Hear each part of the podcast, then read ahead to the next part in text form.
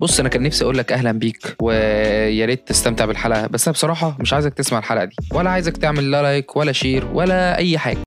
امشي أنا امشي غور! امشي بس لو أنت حابب تعرف إزاي ممكن حد يتحكم في قراراتك اليومية جبارة. خدي. فهات كوباية الشاي بتاعتك وتعالى ننزل بال intro. صباح الجمال والكريستال يا عمي تشرب شاي؟ تشرب شاي بالياسمين؟ ما لقيتش شاي جبت الشربات ثواني أخش جوه اصب لك كوباية شاي وأجيب وداني عشان أعرف أسمعك. الشاي تحفة تحفة. بقول لك إيه أوعى تكون زعلت. أنت عارف أنت حبيبي. ده أنا بستنى كوباية الشاي دي عشان نتقابل ونشربها سوا. بس وبما إنك يعني وصلت لحد هنا وما قفلتش في وش الحلقة فيعني شكرا يا بنتي على ثقتك الغالية.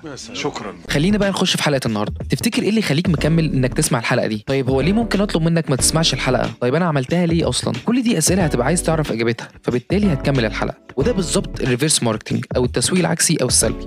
الفكرة كلها هنا إن أنا بحاول إن أنا ألعب على حتة الفضول إن أنا عايزك يبقى عندك فضول إنك تكمل الحلقة. هو ليه مش عايزني أسمع؟ بس مش أكتر. فالنهاردة هنتكلم عن النوع ده من التسويق وإزاي ممكن الشركات تستخدمه. وعشان نفهم النوع ده أكتر خلينا نرجع لسنة 2011 في السنة دي شركة اسمها باتاجونيا هي شركة ملابس في أمريكا. عملت إعلان في نيويورك تايمز كان عبارة عن صورة لجاكيت شتوي ومكتوب عليها don't buy this jacket اللي هو حرفيا بتقول للناس ما تشتروش الجاكيت ده. إيه ده؟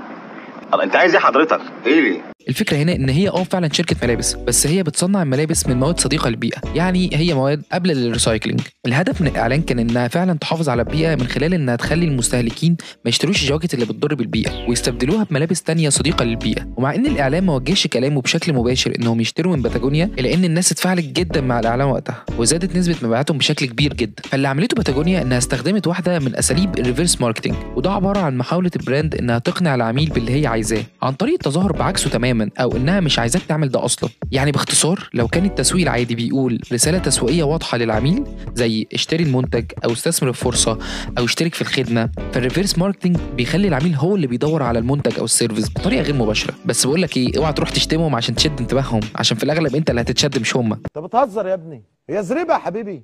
هي زريبة دي. أنت متخلف يا ابني.